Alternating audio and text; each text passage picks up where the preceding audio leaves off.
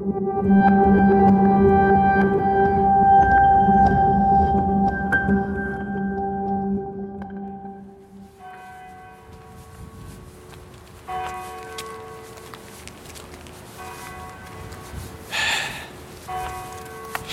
zucht.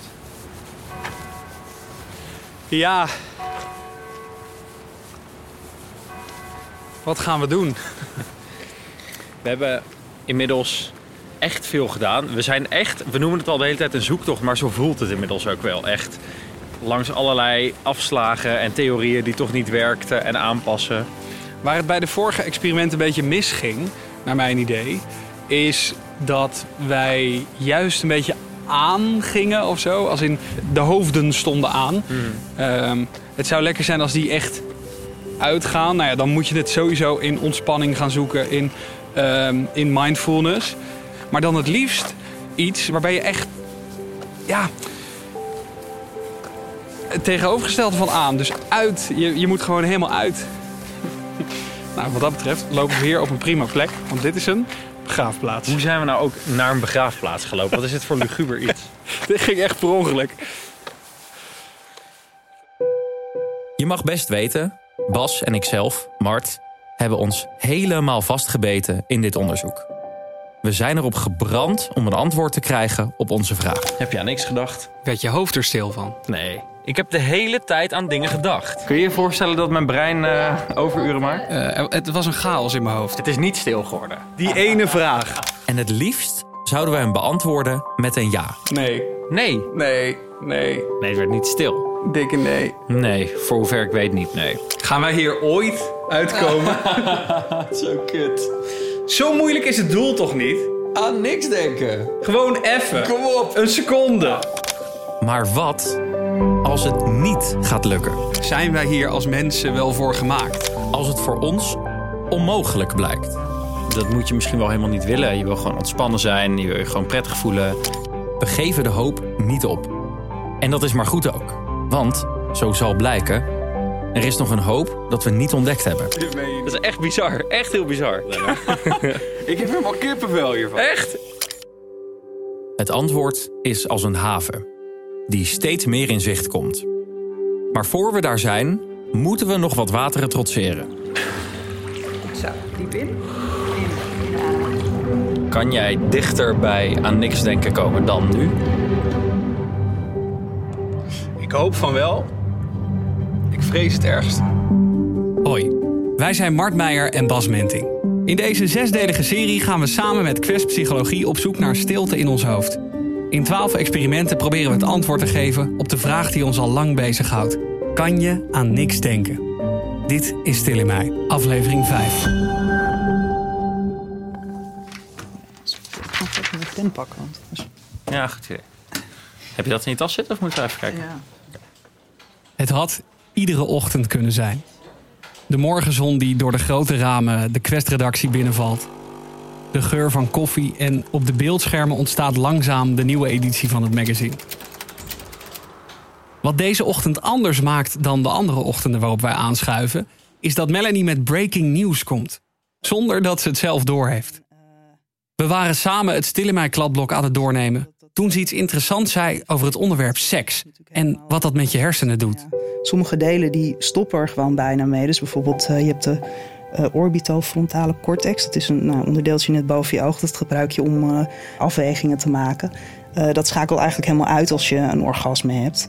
Eh, en bijvoorbeeld ook eh, de amygdala, die is heel weinig actief. Want die, nou ja, dat is het deel waar je normaal eh, heel angstig en voorzichtig eh, door, door wordt. Ja, de bepaalde delen van je hersenen die, die stoppen er echt mee eh, als, je, ja, als je klaarkomt. Dus dat is wel het dichtste wat je kan komen misschien bij je hersenen uitschakelen tijdens een orgasme. Ja. En dat is precies waar wij naar op zoek zijn. Bedoel je, als je seks hebt en dat je dan eigenlijk aan niks denkt? Ik denk dat dat zeker kan. Op zoek naar een leeg hoofd gaan we onze oerdriften wakker maken. De theorie is namelijk dat bij een orgasme delen van je hersenen uitschakelen. En dat sluit aan bij de conclusie van de vorige experimenten. We willen zo diep ontspannen dat gedachten geen kans meer krijgen. Daarin kunnen we seks niet overslaan. Dichter bij je hersenen uitzetten kom je gewoon niet. Dat zometeen, want naast je hoofd kan je ook je lichaam uitschakelen. En dat gaan we eerst doen. Hoe komen we hier nou terecht? Hoe komen we nou in de auto onderweg naar Hillegom? Nou, ik kan me herinneren dat ik ooit heb gelezen dat je bij freediven, dus eh, onder water gaan voor lange tijd zonder zuurstoffles, eh, dat je eigenlijk niet kan nadenken. En ehm, dat het voor freedivers eh nou ja, belangrijk is om een leeg hoofd te hebben. Tada! Daarom gaan we naar Hillegom. Want in Hillegom zit duikcentrum The Wave. En daar ga ik deze theorie in de praktijk brengen door te freediven. Zo lang mogelijk onder water blijven zonder zuurstoffles. Kijk, ik denk dat als je, als je goed je best doet, dat je 1 minuut 20, 1 minuut 30 wel moet kunnen halen. Zoiets. Dus dat moet zeker lukken. Nou, met wat training. Twee minuten. Oké, spannend.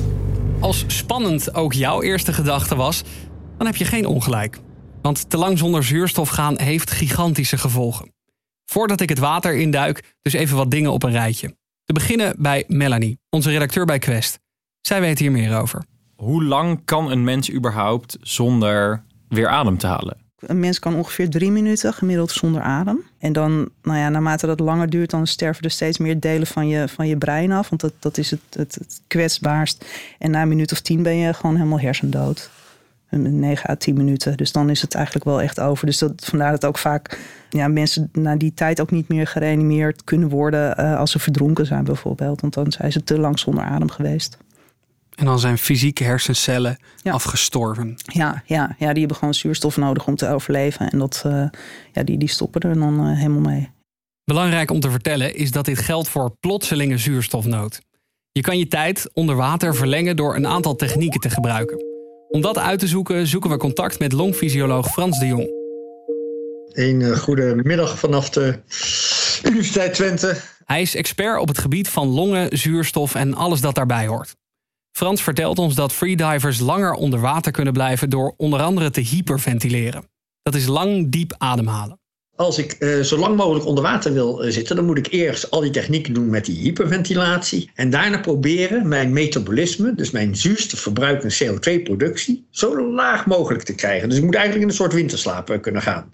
Dus ik moet mijn hartslag helemaal kunnen downreguleren. De mensen die dit soort records hebben, die hebben dan vaak ook een hartslag van 40. Freedivers dwingen zichzelf om zo min mogelijk te denken, want dan zouden ze minder zuurstof verbruiken. Onze missie is nergens aan denken, dus we zijn heel benieuwd of dat ook echt zo werkt.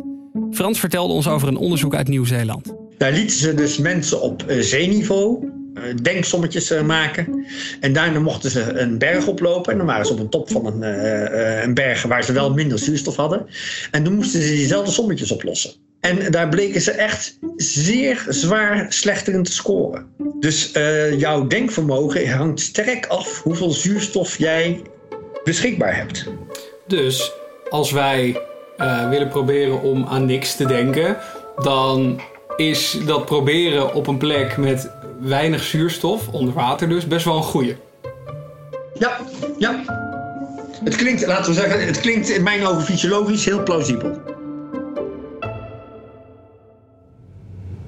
Is hier links als het goed is. Ja, hier is het. Duikcentrum The Wave. Hey, lekker. En daar worden we ontvangen door Nanja van den Broek. Aangenaam. Ik ben Mart. Hoi Mart, ik ben Nanja. Ik ben Bas. Hallo Nanja. Nanja geeft hier les met haar freedive school Anker.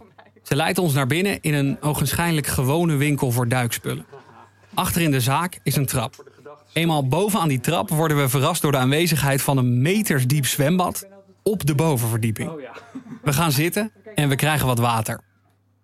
Ik denk om alvast even te wennen of zo. Ik ben eh Nanja van den Broek. Ik ben wereldrecordhouder in het freediven. Van een van de disciplines, die eh, noem je variabel gewicht. En daarbij ben ik op één ademteug naar 130 meter diepte gegaan. En op eigen kracht weer omhoog gezwommen. Dat record haalde ze in 2015 in de discipline variabel gewicht. En dit is een discipline waarbij je dus gebruik maakt van een gewicht en zonder gewicht omhoog gaat. En hoe je omhoog gaat, of je dat zwemmen doet met behulp van vinnen of eh, gebruikmakend van je armen om jezelf omhoog te trekken, dat is allemaal prima. Oh, dus dat is het gewicht. Ja, ja wij dachten voor mensen die, eh, die niet goed kunnen diëten. die zelf een variabel gewicht hebben. Nou, ik, ik val ook wel redelijk onder die categorie, maar dat heeft er echt eh, niks mee van doen. Nanja vertelt ons dat freediven vooral een mentale sport is. Door jezelf mentaal te trainen raak je meer ontspannen in het water en hou je het langer vol. Bijvoorbeeld door niet in paniek te raken als je voelt dat je adem wil halen. Wat triggert je ademhalingsreflex? Wat maakt dat je wil ademen? Weet je dat? Waarschijnlijk denk je nu, net zoals wij, zuurstoftekort. Ja, nee, dat is het feitelijk niet. Dus de zuurstof is de energie die we verbruiken en ons uitlaatgas is CO2. En het verhoogde pijl van de CO2, die zorgt dat we een ademprikkel ervaren. Hoe relaxter je daarbij blijft, hoe groter die marge wordt. Dus hoe meer tijd je onder water kan besteden. Dat is zeker niet zonder risico, vertelt longfysioloog Frans de Jong. Die hoorde je net al even. Want door van tevoren te hyperventileren, adem je al je CO2 uit. Daardoor voelt je lichaam pas heel laat dat je moet ademhalen. Uh, dat is, uh, laten we zeggen, bij 99 op de 100 gaat dat goed. Bij de ene die het niet goed gaat, uh, die valt flauw onder water en verdrinkt. Daarom dat dit soort zaken dan altijd ook met een buddy moeten gebeuren. Dat die, die oplet of jij wel bij bewustzijn blijft als jij dit soort zaken doet. het is een van de meest gevaarlijke, dus durf ik te zeggen, sporten, als je het dan als sport mag klassificeren, die je kunt doen in dat opzicht. Zo gauw je buiten bewustzijn raakt, kun je jezelf niet meer redden en verdrink je.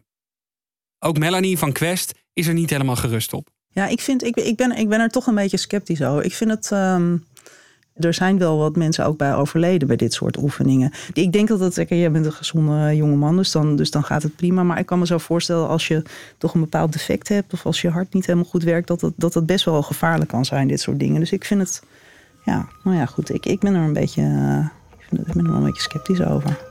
Nanja stelt me gerust. Ik hoef me vandaag geen zorgen te maken.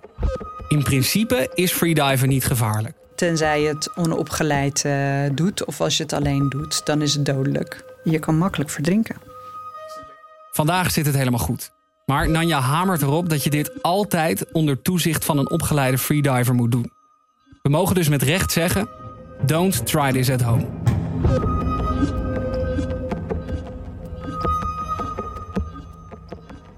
Zit het pak goed? Ja, pak zit goed. Pak zit goed, oké. Ben je bekend met een, met een buikademhaling? Ja. Ja. Dus uh, kijk eens als je hand op je borst legt en een hand op je buik met je duim op je navel. Dus vrij laag op je buik. Zit je navel daar? Ja, ik heb een hele, hele raar gepositioneerde navel. een soort Bermuda-driehoek met zijn tepels. Dat was even een checkvraag. Kijk eens of je dan aan je... Ik ga statisch freediven. Wel onder water, maar redelijk aan de oppervlakte. Voordat ik me eraan waag, doen we oefeningen. Zo leer ik precies hoe ik zo goed en veilig mogelijk het water in kan gaan. Laat jij, zolang je onder water bent, laat je dan lucht uit? Nee. Helemaal niks? Nee, helemaal niks. Want eh, dan ben ik vooral mijn zuurstof weer aan het weggooien. Okay. Dus ik blijf echt op het drijfvermogen van mijn lucht liggen. Ja? Okay. Gaan we het lekker in? Lekker. Ga jij eerst? Ja, maakt me niet uit. Jij mag eerst. Kan ik even kijken hoe het met zo'n trappetje en zo. Dat is allemaal best wel gedoe. oh, het temperatuurtje is wel goed. Ja, lekker. Temperatuur is prima. Um, als ik je straks zeg maar zo een tikje geef op je schouder, dan hoef je alleen maar eventjes je vinger omhoog te doen. Dat is voor mij alleen maar een veiligheidscheck van, nou, oh, hij doet het nog. hij doet het nog. Oké. Okay. Ga ik, uh, ik, ik doe hem ook al op. Ja, doe de bril op. Ik hoor meteen de maat al aanpassen naar mijn vormhoofd. Ja, dat betekent eigenlijk dus dat hij losser mag, want jouw vormhoofd is best wel groot. Hé, hey, dit was niet mijn intentie van... Zo wordt hij nooit ontspannen, hè? Dan weet ik alweer waar ik zo meteen over ligt te piekeren.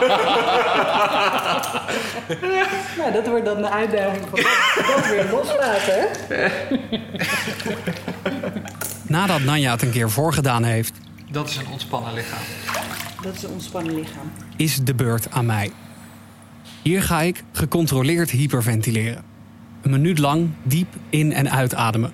Om mijn lichaam uiteindelijk zoveel mogelijk te vullen met zuurstof.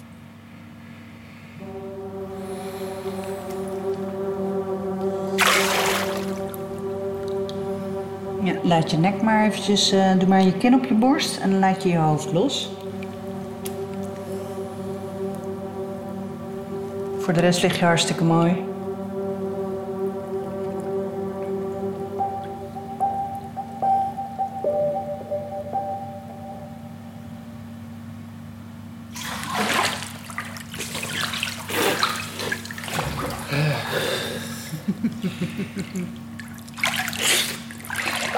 Hoe ging het? Even wedden. Ja. ja.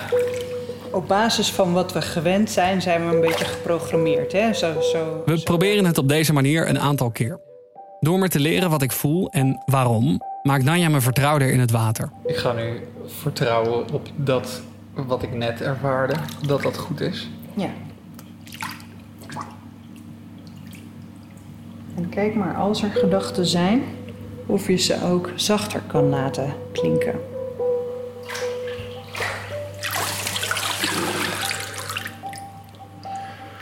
Hebt vaak de neiging om als je het klein beetje... En zo hou ik het steeds langer vol.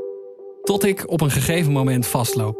Hier merk ik waarom het mentale aspect van freediven zo belangrijk is. Ik kom een aantal keer na precies evenveel tijd weer boven, omdat ik mijn reflexen niet kan onderdrukken. Als ik naar jou kijk, als je boven komt, heb je zuurstof zat. Weet je, dus nu gooi je er nog een, een groot meningensausje over. Je, je hebt als mening dat, dat het het schreeuwen om zuurstof is. En hier had Nanja me van tevoren al voor gewaarschuwd. Het is, het is ook zo dat je eh, gewoon merkt ook dat, dat mensen... ehm, die halen vaak een bepaalde tijd en daarna blokkeren ze. Dus dan, daar komen ze elke keer weer op boven. En dat is vaak een, eenzelfde gedachtepatroon. En pas op, op het moment dat die gedachtepatroon anders wordt geïnterpreteerd... door die persoon krijg je een ander resultaat. Ik vergelijk het ook heel vaak met mindfulness. Mindfulness is natuurlijk bewezen eh, dat, dat, dat dat heel erg eh, positief werkt voor je mentale gezondheid. Eh, en, en bij ons is het meetbaar. Namelijk de tijd geeft weer in hoever je daar slagen maakt. Na een paar keer oefenen lukt het om mijn grens te verleggen. En kom ik steeds dieper in die gedachteloze trance. Dit was een stuk prettiger. Ja, Oh, dit was zelfs heel erg lekker. Ah. Ik weet niet, ik probeerde me iets, iets voor me te zien. ja. En toen, omdat het helemaal zo door dat pak voelt het helemaal zacht. Het water is gewoon aangenaam warm. Ja. En ik zat in een soort van gigantische pluche, eh, roze kubus of zo. Gewoon zo'n gigantisch, zacht, wolken, wolkachtige structuur. Ja. Het was echt fantastisch. Dan helemaal zo lekker zitten en eh, ja, ja, goed zo, goed zo. ik vond het echt top. Ja, gaan we nog één keer. Nog één keer, oké. En voor de allerlaatste keer pas ik alles toe wat ik heb geleerd. Drie tellen inademen. Zes tellen uit. En dat net zo lang tot ik voel dat ik er klaar voor ben. Dan nog één keer diep in. En dan ga ik onder. Op weg naar stilte.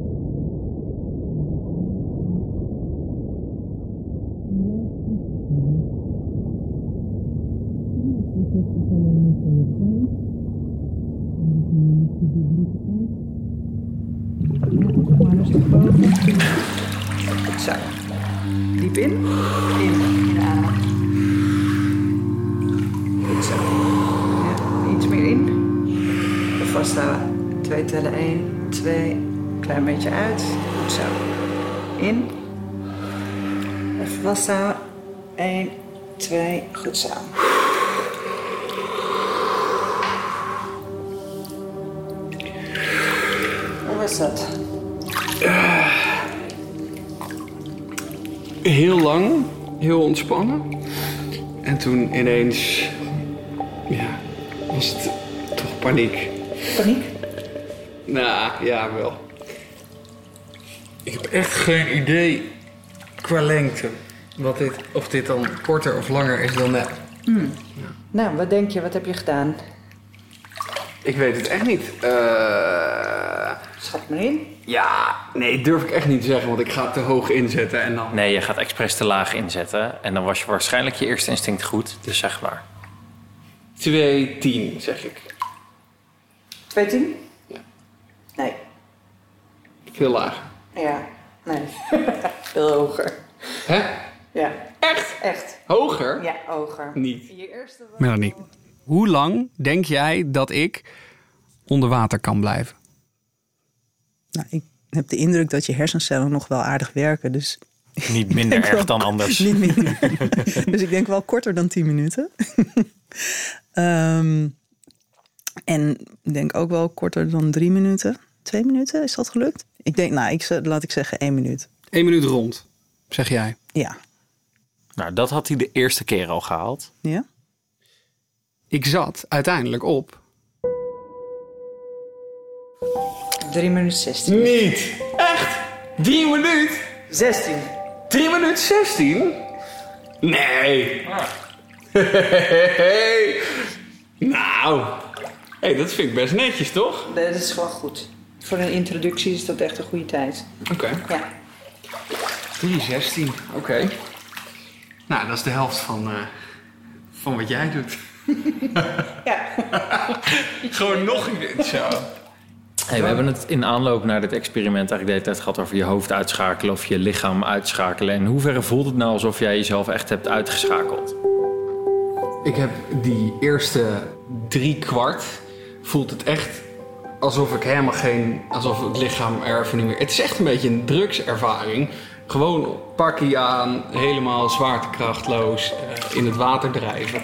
Ja, ik heb echt mijn lichaam volledig uitgeschakeld. Dat is echt, ja, ik weet het. Dat gebeurt gewoon. En je hoofd?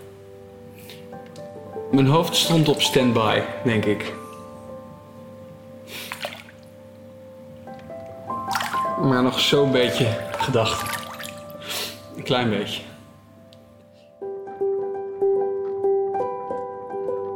In de auto terug naar huis praten we na. Ik vond het echt een fascinerende dag als toeschouwer. Ja, voor jou moet het een beetje saai zijn geweest. Nee, helemaal niet. Nee, het was heel interessant. Ik vond dit zo vet. Ik vond het echt heel vet. Maar ik zag jou helemaal in je element komen. Dit is echt, ik, ik weet niet wat het hier aan is dat jij zo mooi vond, maar dit paste echt perfect bij jou. Ja, voor mij was dit inderdaad helemaal in mijn element. Ik was heel, ik was heel blij dat ik dit mocht doen. Nou, weet je wat mij hier heel erg aan fascineert, maar aan deze hele sport en aan hoe Nanja het benadert en zo? Ehm, wat echt heel interessant was, is de tweede en de derde keer dat jij ging duiken, kwam je op exact hetzelfde moment naar boven. Letterlijk precies hetzelfde moment. En toen zei zij vervolgens tegen mij, toen jij weer onder water ging... Het is interessant om te zien, want je ziet dus dat hij niet door dat gedachtepatroon heen is. Ehm, en toen je dat wel doorbroken had, kon je meteen veel langer onder water blijven. Dat onder water blijven is echt een soort meetlat voor je mentale staat van zijn. Je kan het daar zo goed aan aflezen. En het is een super concreet bewijs voor mindfulness in principe. Hoe beter dat gaat, hoe langer je onder water blijft. Ik vond het heel interessant om eindelijk echt een soort van tastbaar bewijs van mindfulness te zien. Ik vond het leuk. Ik vond een, eh, echt een vette dag. Ik denk niet dat ik helemaal aan niks heb gedacht. Ehm, maar ik was voor mijn doen echt ziek mindful. En ik denk dat dit, dit is wel mijn soort mindful. Dat ehm, heb ik wel gevoeld. Dit was echt mijn, mijn dingetje. Ik vond dit heel leuk. Kan jij dichter bij aan niks denken komen dan nu? Ik hoop van wel. Ik vrees het ergste. Hey, goedemorgen. Ik zit echt na te genieten, man. Ik vond het gisteren zo chill. Ik vond het zo lekker. Eh, het is jammer dat je niet 24-7 zo'n buddy bij de hand kan hebben. Want dan zou ik het vaker doen. Maar goed, daar is het echt te gevaarlijk voor. Ehm, maar dit was zo ontspannen. Ik kon me helemaal overgeven. Ik wist dat alles geregeld werd. Ik hoefde geen spier aan te spannen. Ehm, je echt uitzetten eh, werkt voor mij om, om rust in mijn hoofd te krijgen. Ik was op plekken waar ik echt graag vaker zou zijn. Geef mij maar zo'n eh, roze plusje kamer. Dan zit ik wel lekker.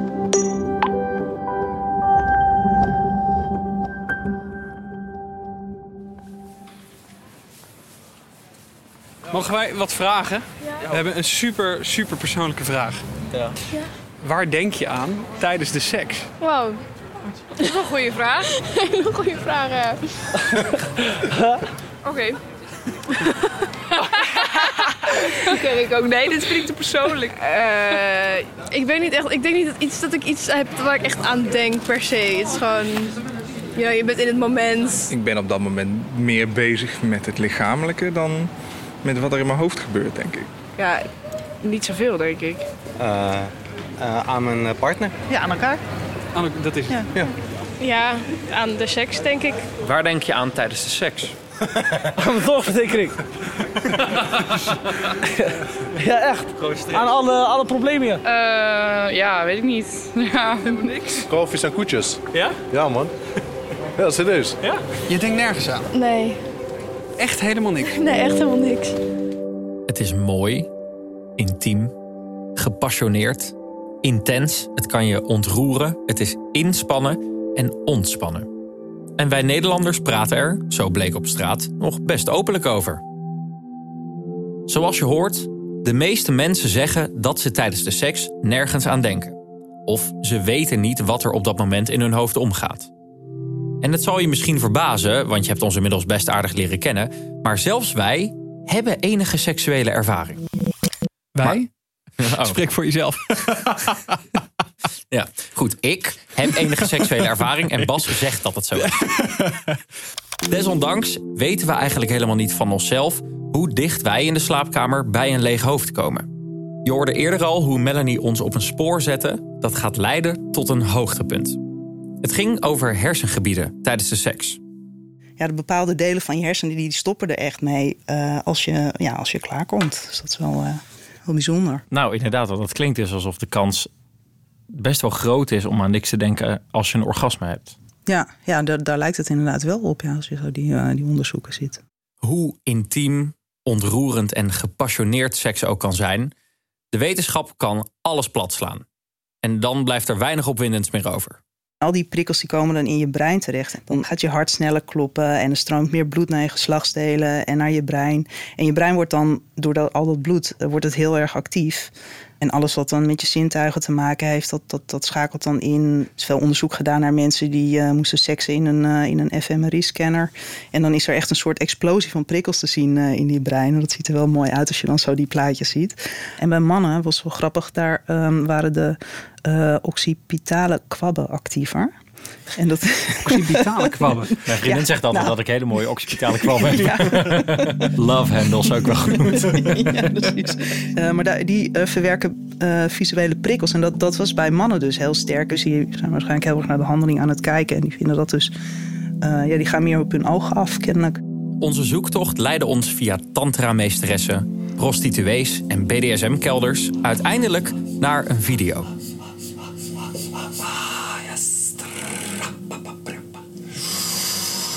Beetje wakker maken. Deze gast is sexological bodyworker. Mindful masturberen. Nou ja, en ook, ook niet zomaar, maar hij doet het volgens mij ook voor een heel groot deel zonder zichzelf echt aan te raken of zo. Of op een niet-conventionele manier, door helemaal met je lichaam in, weet ik wat hij allemaal doet. Hij doet van alles met zijn lichaam en zijn ademhaling volgens mij, om er een hele andere ervaring van te maken. En dus besluiten we hem te bellen.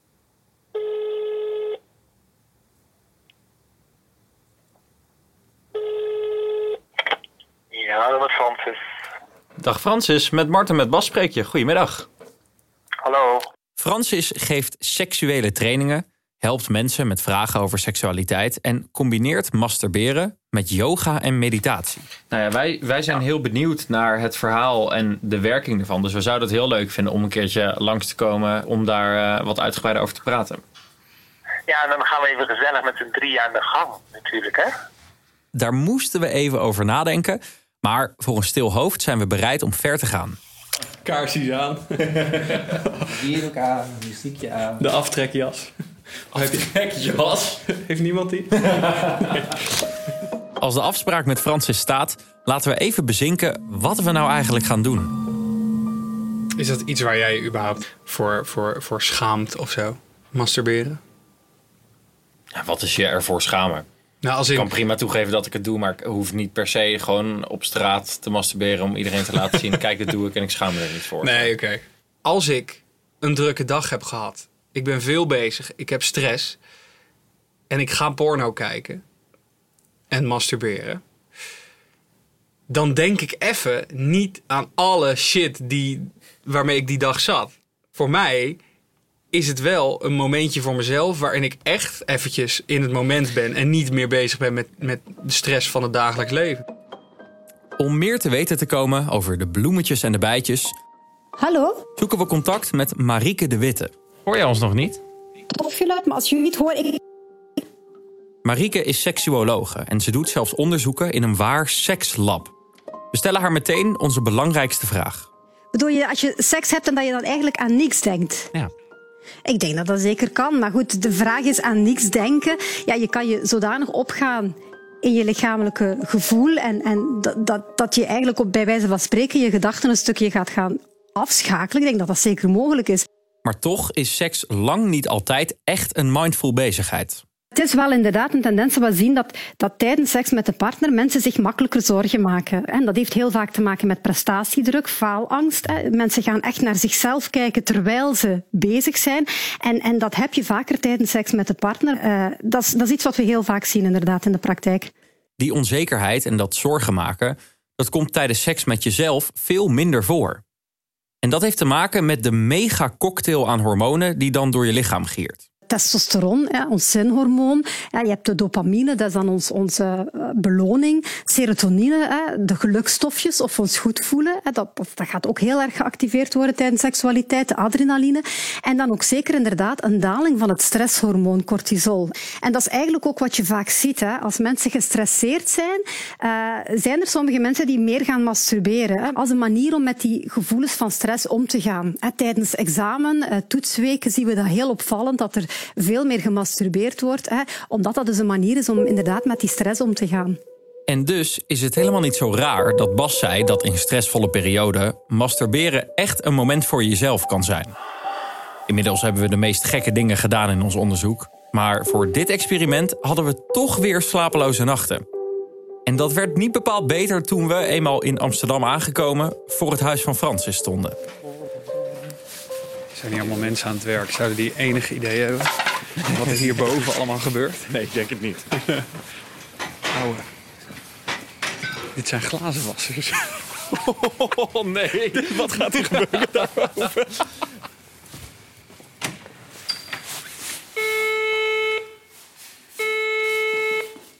Neem de lift naar de vierde. Oké, okay, top. Is dit het? Even kloppen. Kijk. Hallo. Hi. Ik ben Bart. Ik ben Bas. Hallo Bas. Hallo. Francis. Kom binnen, doe je schoenen uit. Dat moet eigenlijk wel. Ja. Francis zijn huis heeft verdacht weinig weg van een huis. Er is geen tv, geen tafel, zelfs geen bank. We zitten op kussens. Aan de muur hangen gigantische vellen papier die volstaan met termen als yin en yang, ejaculeren, zelfliefde en anale stimulatie. Vanuit het raam hebben we uitzicht op Amsterdam Noord. En we hopen maar dat Amsterdam Noord geen uitzicht heeft op ons. Ik geef vooral yogalessen en daarnaast ook massage en dus ook sexological bodywork. Uh, zoals in sekscoaching bijvoorbeeld, of een seksoloog, daar gaan mensen toch snel naartoe, sneller naartoe als ze echt een probleem hebben. Maar in sexological bodywork, laat ik het zo zeggen, dan richt je toch veel meer op van hoe kun je meer plezier hebben, hoe kun je meer lol hebben in seks. En wat kan je allemaal nog leren en hoe kan je jezelf daarin ja, ontwikkelen. Ik, ik ben even benieuwd hoe zo'n hoe zo'n sessie gaat. Ja, nou ja, sowieso als mensen hier komen is er eerst een intakegesprek. Van dus het eerste uur verbaal. En dan het tweede uur gaan we allerlei oefeningen doen. En daarna ga ik diegene een e-mail sturen waarin ik mijn ideeën uitleg. Nou ja, dan op basis daarvan besluiten we of we aan sessie 1 beginnen. En sessie 1 is dan bijvoorbeeld, kan zijn mindful masturbation. En daar komen we voor. Een nieuwe kijk op masturberen. Een ding wat ik heel veel hoor en daar was ik ook wel benieuwd naar bij jullie. 9 van de 10 mannen, maar dat is een beetje natte vingerwerk wat ik nu doe. Die kijkt porno terwijl ze masturberen. Ja, maar ik zou bijna geantwoord hebben, ja, natuurlijk. Ja. Kijk ik naar porno, want dat is toch gewoon wat je doet. Dat is de standaard. Kijk, de, de reden waar mensen naar porno kijken is omdat, dat, omdat ze iets zoeken buiten zichzelf om opgewonden te raken. Kunnen wij een paar tips krijgen? Ik vind tips een heel lelijk woord. Nou, komen we bij de tips en de tricks. Mocht je komende week thuis een keer een poging tot mindful masturberen willen ondernemen, schrijf even mee. Doe dus zonder porno. Ga daar eens mee beginnen. Onthaasten en dus meer tijd te vernemen. En dan niet eh, drie keer rukken en klaar. Maar wat je ook, ook kan doen, een andere truc is bijvoorbeeld... je bouwt de spanning op, hè, of je, je bouwt de energie op... en dan stop je gewoon even. Vijf minuten mag je met jezelf spelen... en dan vijf minuten niet aanraken, niks doen. En probeer eens niet te ejaculeren. Francis heeft goede hoop dat we aan niks gaan denken. Als hij zelf mindful masturbeert, dan komt hij, zoals hij dat zelf noemt, in flow. En wordt hij helemaal één met de ervaring. in flow zijn is dat ik eigenlijk niks meer hoef te doen. Het is bijna alsof ik voorbij mijn ego ben. En dan ben ik wel inderdaad, denk ik, niet meer aan het... Denk ik, niet meer aan het denken over mij. Nee, ik denk er niet meer. Punt. Ik ben. Net voordat we gaan beginnen aan onze sessie, laat Francis ons nog wat beelden zien uit zijn privécollectie. De zonnegroet, hè? Edge, adem en geluid hoor je. Oh, je hebt nu iets in je anus. Prostaat, dildo. Gelukje voor jou dat het een podcast is. We zullen hem je verder besparen. Wow, wat een ding hebben wij gezien. Kunnen, we- kunnen we de aanzet hiertoe in ieder geval met je doen, zodat je ons kan begeleiden? En dan maken we, hem- maken we hem thuis wel af. Ja, ja, nee, het scheelt als je dingen al een keer fysiek ervaren hebt... dan blijft het wat meer te beklijven. Hierbij zweer ik, Mart Meijer, plechtig dat dit de eerste keer is in mijn leven dat iemand zich zo snel na kennismaking voor me uitkleedt. Ja, en dan ontkomen wij er uiteindelijk niet aan om ook onze kleren uit te trekken. Met een metertje tussen ons in, tegenover Francis, die alles voordoet, nemen we plaats op onze yogamatjes. Oké. Ga op het kussen zitten. Leg je handen op je benen, voor de knieën. Je handpalmen omhoog en je duim tussen eerste en tweede. Waar in het lichaam voel je de beweging als gevolg van het ademen? Observeer ook die gedachten. Je knieën wat uit elkaar. Leg je handen op elkaar, leg je voorhoofd op de handen. Het is een soort van eenvoudige zonnegroet. Adem uit en laat los. Ah. Leg je je hoofd in je handen, je voetzolen tegen elkaar.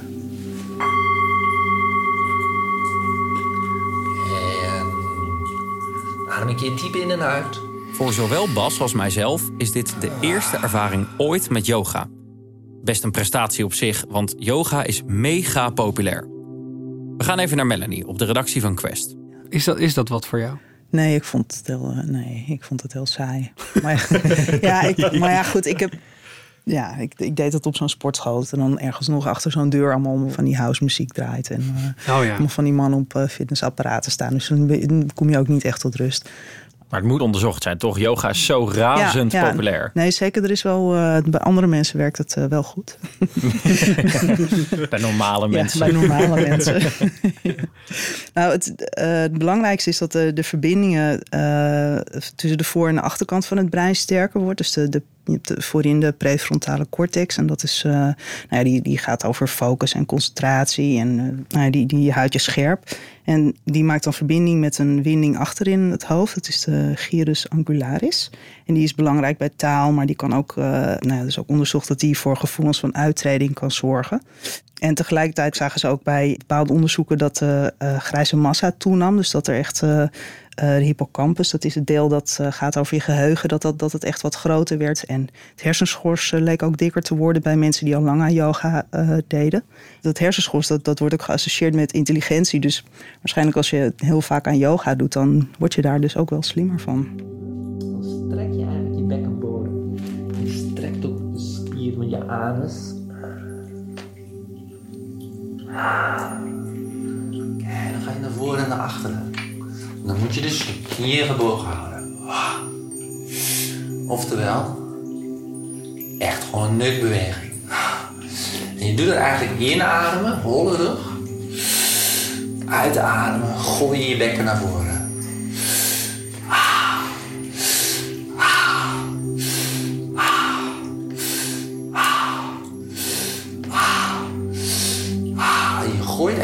Piemel tegen je buik.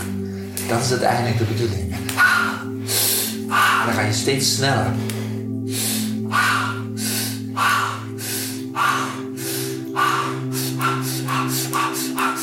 En dan maar los. Laat je armen hangen, sluit je ogen. Voel even. Binnenkant knieën, binnenkant van je dijbenen, over je geslacht, over je buik. En vanaf hier pak ik hem thuis op. Ik zet de opname van de yoga-sessie nog een keertje aan, maar ik ga nu die ene stap verder.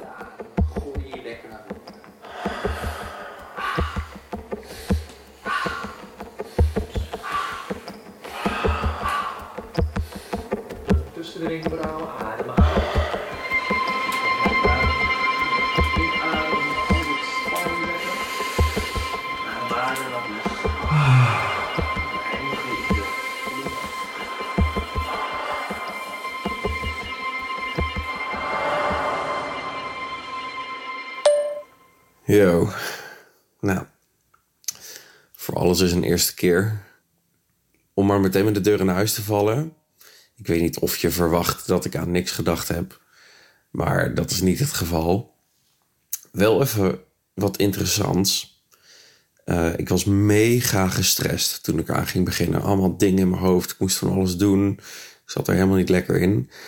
Maar op het moment dat ik het ging doen en echt die drie kwartier de tijd nam om die yoga-oefening te doen, toen ontspande ik wel best wel snel. Ik werd gewoon rustiger die stress ging weg en mijn lichaam ontspande. En dat was echt heel nice. En dat maakte dat mijn hoofd zoveel leger was daarna. Dus die yoga, die mindfulness, dat is wel echt iets fijns. Maar het hele orgasme gedeelte, ja, ik bedoel, was fijn. Was ook wel best intens. En dat heeft vast iets te maken met die yoga van daarvoor. Maar eh, nee, geen stil hoofd. De twee vormen van mindfulness die we geprobeerd hebben, hebben geen echte stilte in ons hoofd gebracht. Wel voelden we ons allebei minder gestrest en Bas na het freediven zelfs enorm ontspannen. En we hebben onze grenzen verlegd en ons vrij letterlijk blootgegeven. Dat was een bijzondere ervaring, was de conclusie die we trokken toen Francis ons had uitgezwaaid. Vond je het ongemakkelijk net? Nee, eigenlijk helemaal niet. Jij? Nou, alleen het, het strelen, eh, ja, terwijl we naast elkaar staan. D- Daar dacht, ja, dacht ik gewoon wel even over na. Toen dacht ik wel, ja, oké, het is misschien wel een beetje gekkig. Ik dacht gewoon, ja, weet je, dat is waarvoor we hier zijn. Terwijl, ja, je hand gaat er gewoon wel overheen. Dat hoort erbij. En volgens mij hadden we allebei onze ogen dicht. Of in ieder geval is het idee dat je op jezelf focust. Ja, en daardoor denk ik ook, ja, ik focus ook niet op dat Bas aan wel of niet aan zijn pik zit. Had je een... eh, Nee, nee, nee. Jij? Ja, jij wel. Nee, ik zie het.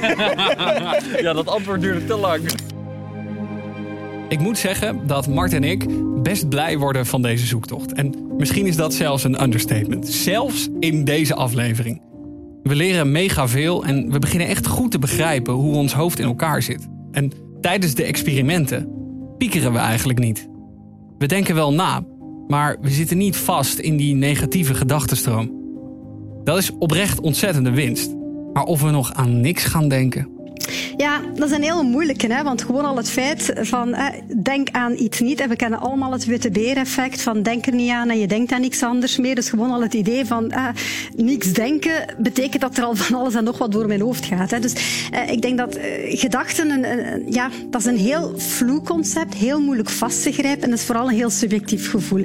Ik denk dat als jij het gevoel hebt van ik ben even weg van de wereld en ik denk aan niks, ja, daar gaat het uiteindelijk om. Of je dan effectief gedachten hebt en wat we dan precies allemaal in het brein zien, op zich doet dat er niet toe. Het gaat er om hoe jij dat beleefd hebt. En als jij eh, bijvoorbeeld ook tijdens seksualiteit of algemeen het gevoel hebt van oh, ik ben even gewoon, ik, ik, ik ben, ik, ik, ik, ik leef gewoon en ik denk even aan niks, ehm, ja, dan gaat het om een subjectief gevoel, denk ik. Achteraf gezien dachten we op dit punt dat we er wel uit waren. We zaten op één lijn met seksuologe Marieke. Aan niks denken kan misschien wel, maar het is een ervaring waar wij niet voor gemaakt lijken te zijn. Ik eh, kan nergens aan denken. Ik heb wel het idee dat ik soms aan niks kan denken, ja.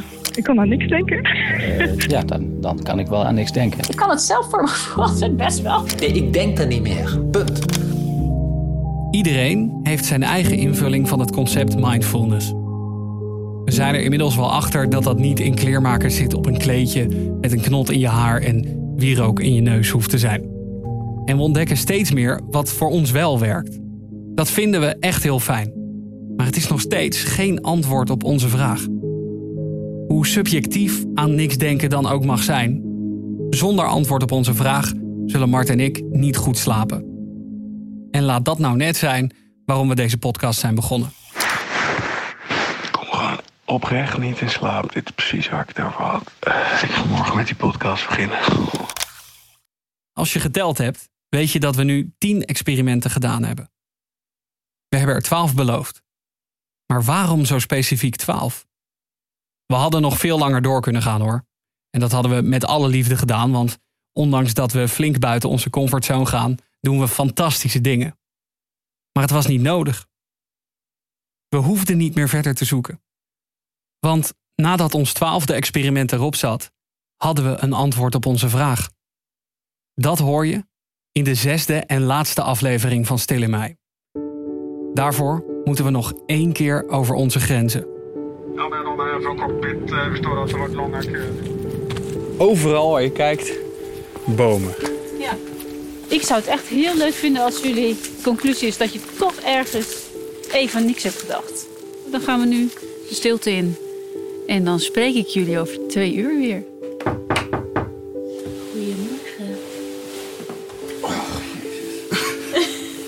Weet je, wat jullie nu gewoon omschrijven is echt tot in detail wat ik hoopte dat jullie zouden ervaren.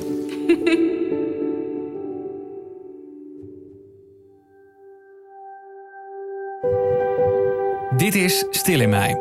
Gemaakt door Bas Menting, dat ben ik. En door mij, Mart Meijer. Dankjewel voor alle ontzettend leuke reacties op de podcast. Als je ook wil zien wat we hebben beleefd, kan je ons volgen op Instagram. Stil in Mij.